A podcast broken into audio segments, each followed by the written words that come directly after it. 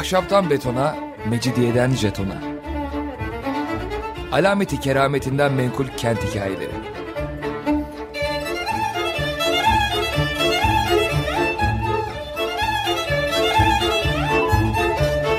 Hazırlayan ve sunan Pınar Erkan.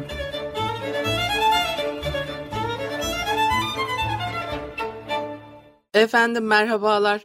Bir haftalık aradan sonra yine birlikteyiz. 95.0 frekanslı açık radyoda ahşaptan betona, mecidiyeden jetona. Tam şu anda başlamış bulunmakta. Anlatıcınız ben Pınar Erkan. Elektronik posta adresim pinarerkan.yahoo.co.uk Bugün e, antik Roma döneminin yine e, yemeklerinden söz edeceğim.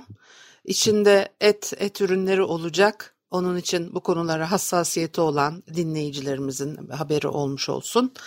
Ee, söylemiş olayım atlamayayım. Ama ondan önce şimdi Apicius'un e, tariflerinden bir parça söz edeceğim ama daha önce konuşmuştuk. Apicius enteresan bir adam.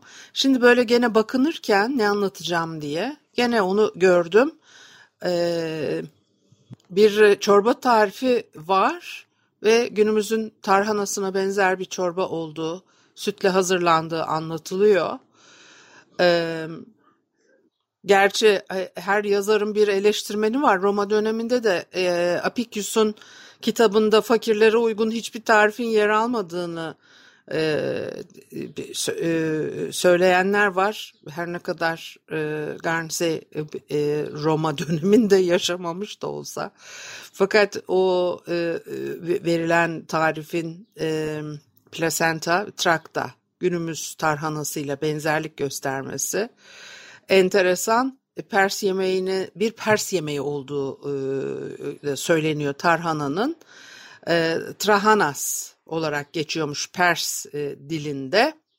E, fakat bu konuda henüz netlik kazanmamış. Fakat e, e, günümüz tarhanasıyla Kato ve e, Apicius'un tarifleri arasında malzeme bakımından benzerlik var fakat uygulama e, açısından farklılık var. Mal, bütün malzemeler e, benziyor birbirine fakat nasıl pişirildiği o biraz daha değişiyor demek ki. Şimdi o e, Apicius'un e, tarifleri ve kitabı önemli. Çünkü pişirme, hazırma, e, hazırlama teknikleri e, geçiyor.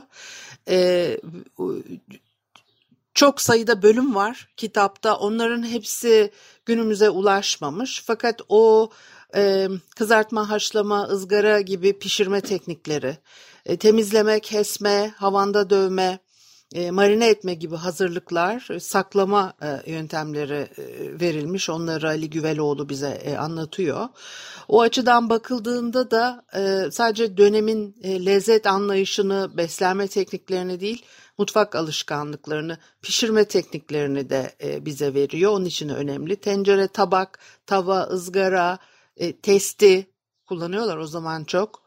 E, pişirme ocakları gibi mutfak araç gereçleri hakkında da bilgi sahibi olabiliyoruz. Bir de mesela o Latince metinde hidrogarum ismiyle bilinen bir sıvı karışımı et yemeklerini pişirmek için e, kullanılıyor. O da su ve garumdan oluşan bir karışım. E, tariflerde çeşitli sebze ve baharatlarla e, tatlandırılıyor. Part usulü tavuk geçiyor. Oğlak ya da kuzu tarifleri var. E, Numidia usulü tavuk. Liburnia yağı. E, küme çömleği gibi besin maddeleri. E, geldikleri bölgelere göre e, isimlendirilen şeyler. Part usulü tavuk, karabiber, yabani kereviz, az miktarda e, kereviye otu, likomen ve e, beyaz şarapla hazırlanan bir sosun içinde pişiriliyormuş. O e, Numidia tavuğu e, fotoğrafa göre bayağı bildiğiniz tavuk butu gibi bir şey. Önce haşlanıyor, silfiyum biberle tatlandırıldıktan sonra kızartılıyor.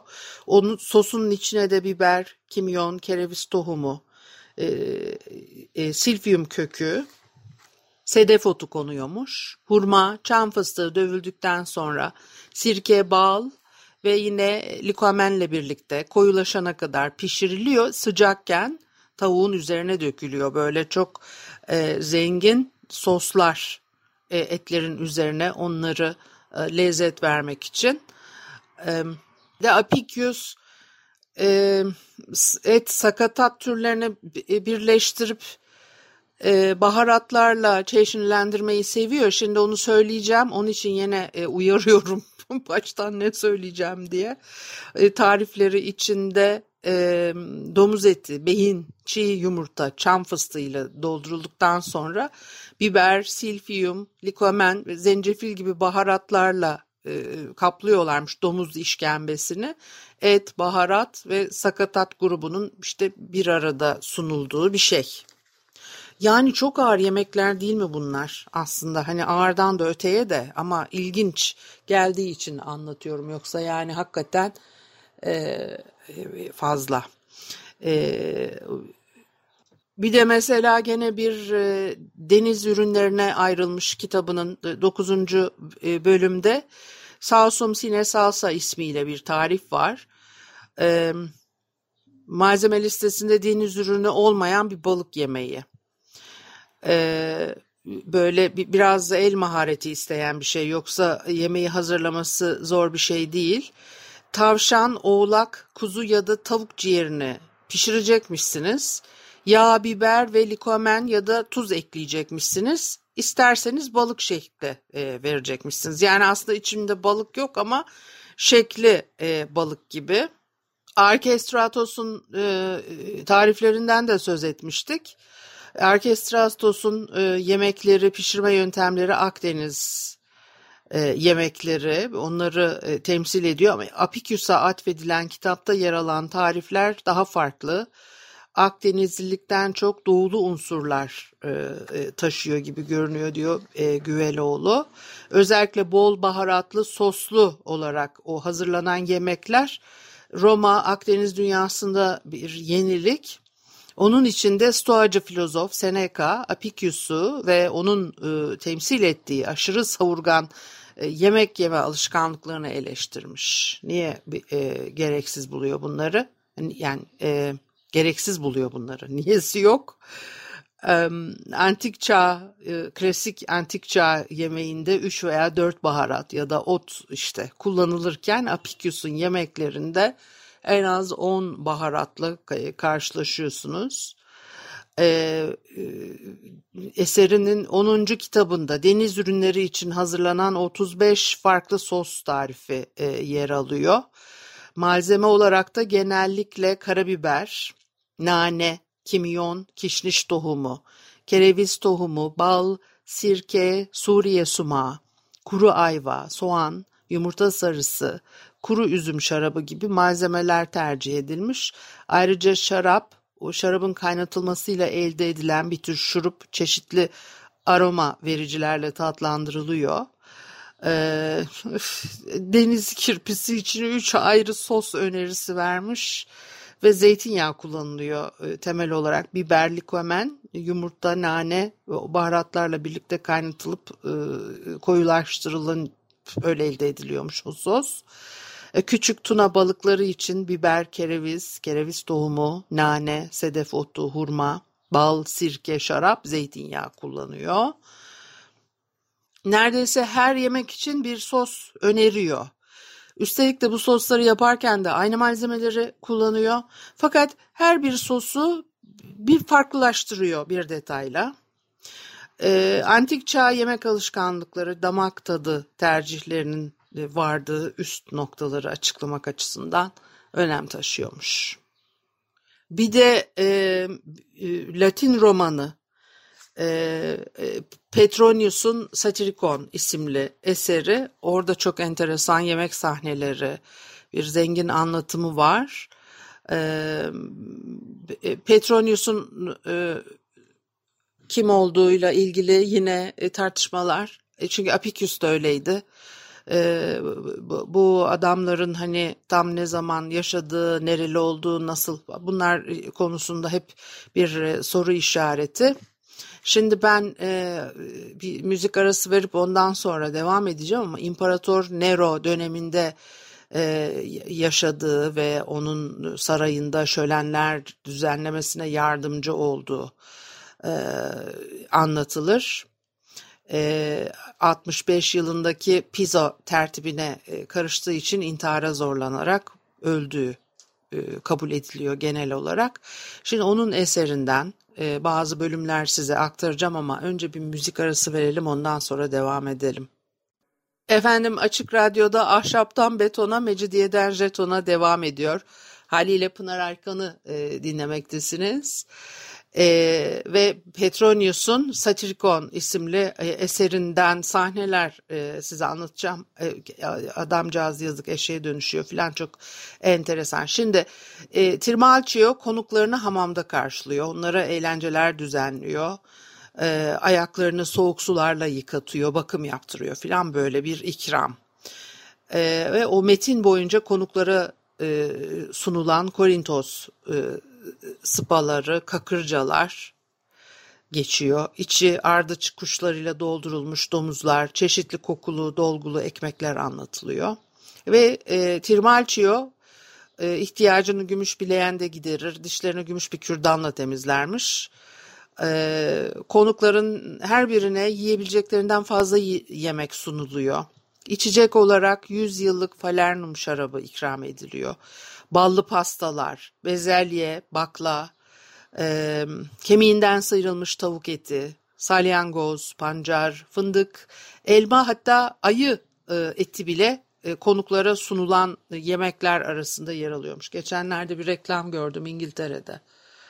E, ayı pate yiyorlarmış dedim. Yani hakikaten e, antik dönemleri konuşuyoruz da Ay pate de yemeği verin yani. Nedir Allah aşkına? Şimdi böyle e, bir tabi abartı var e, romanda da ve araştırmacılar romanda bu işte Trimalchio'nun Nero ile e, özdeşleştirildiğini söylüyorlar. O imparatorun sarayında düzenlenen şölenler Trimalchio'nunkinden geri kalmazmış.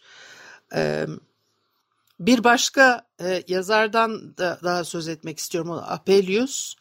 Milattan sonraki ilk yüzyılın e, ilk çeyreğinde e, dünyaya gelmiş.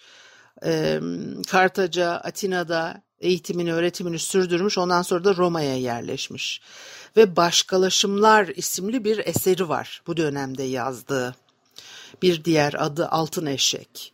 O 19. yüzyılın e, son çeyreğinde dünyaya geliyor Franz Kafka. E, Franz Kafka'nın da Başkalaşım adlı romanına e, ilham vermiş olabileceği e, e, söyleniyor.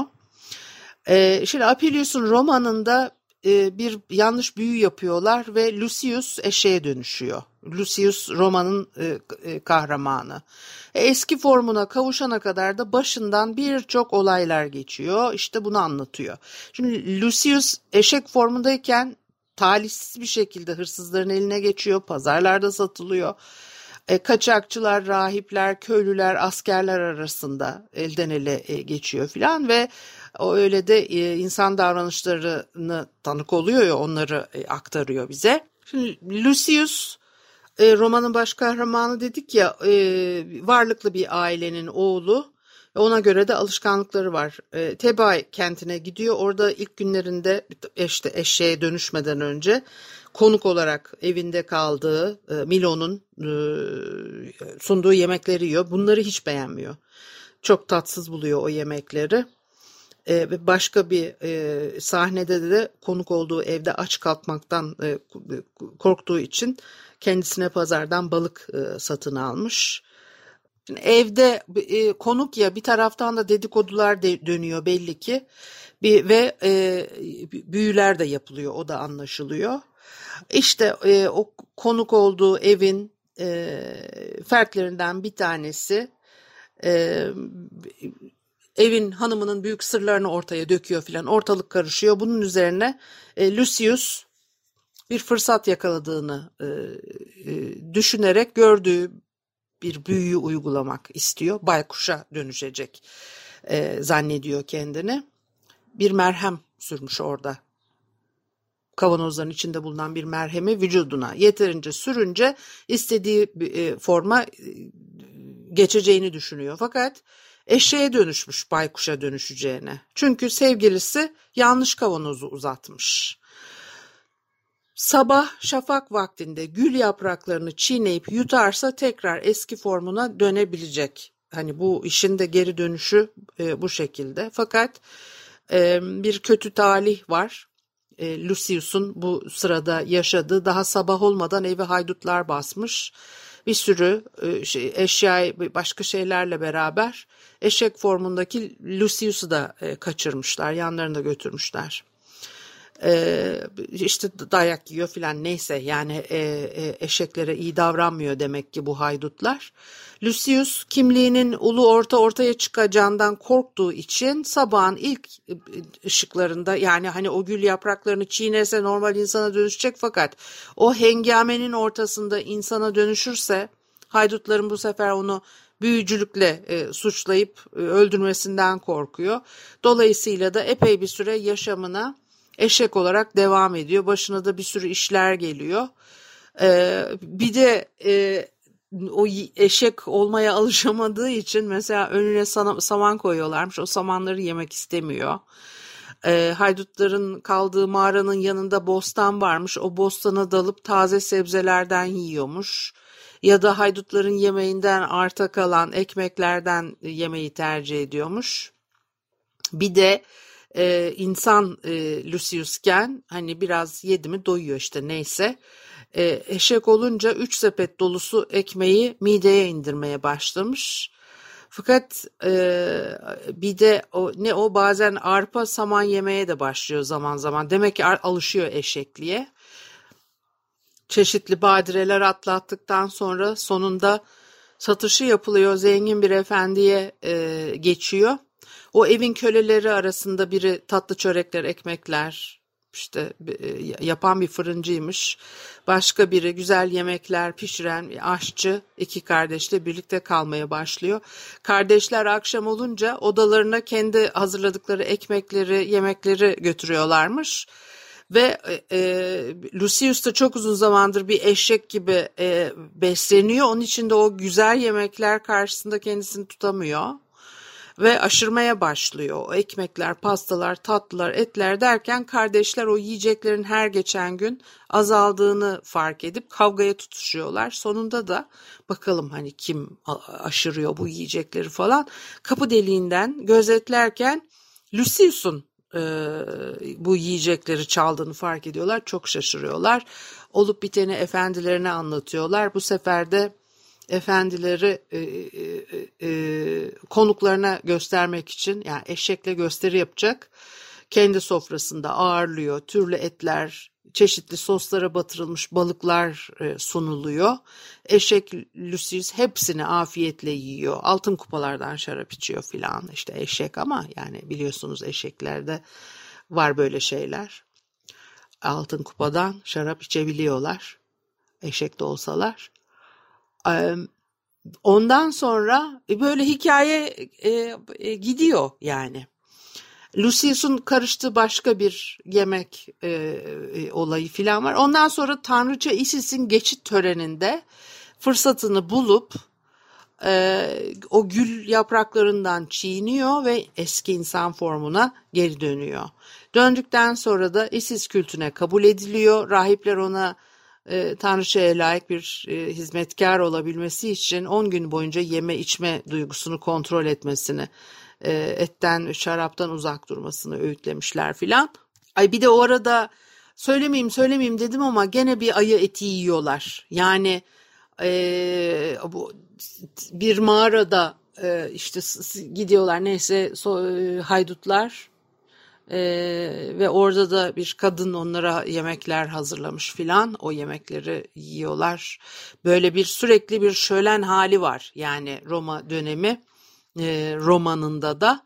Ondan sonra da soygun sırasında ayı eti yemek durumunda kalmışlar. Onun dışında normal yaşantılarında e, işte o bir yaşlı kadın orada yemeklerini e, hazırlıyor. Bir de bu romanlarda hep geçiyor ki Tamam yemeklerin hani bir takım yani hep lüks ve bolluk içinde yemekler.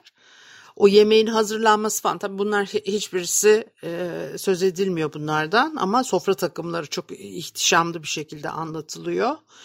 E, ve hiç öyle kıtlık falan yok. Halbuki bu dönemlerde e, Avrupa'da yaşanmış çok ciddi e, kıtlıklar olduğunu biliyoruz ya da belki onun için mi böyle anlatılıyor bu hikayeler? O da belli değil.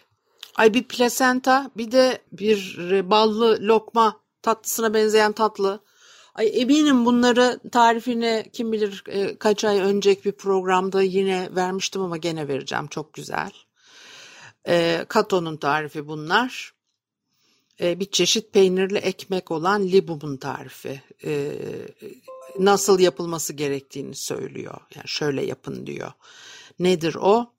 E, 900 gram peynir çok değil mi ya? Çok 900 gram peynir içine 450 gram e, daha hafif olsun isterseniz 225 gram ekmeklik buğday unu katıyorsunuz. Peynirle iyice karıştırıyorsunuz. Ondan bir somun yapıyorsunuz. Altına yaprak koyuyorsunuz. Kızgın ateşte toprak kapak altında yavaş yavaş pişiriyorsunuz. Limum dedikleri bu. Ee, plasenta'nın tarifi biraz daha farklı. O un, irmik, peynir, bal karışımından yapılan bir tür tatlı ekmek gibi.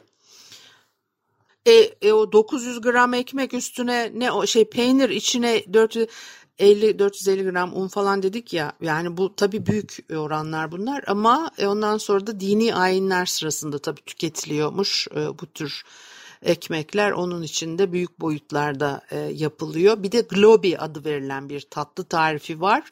Peynir, irmik karışımlarının yuvarlak toplar halinde kızgın yağda kızartıyorsunuz. Bala bulayıp servis ediyorsunuz. Yani bilemedim. Şimdi balla lokma ama hiç böyle içinde şey falan yok. Kabartma tozu yok ne bileyim ben maya yok hiçbir şey yok öyle anlıyorum. Neyse bu haftalık da bu kadar olsun. Haftaya görüşene kadar hoşçakalınız.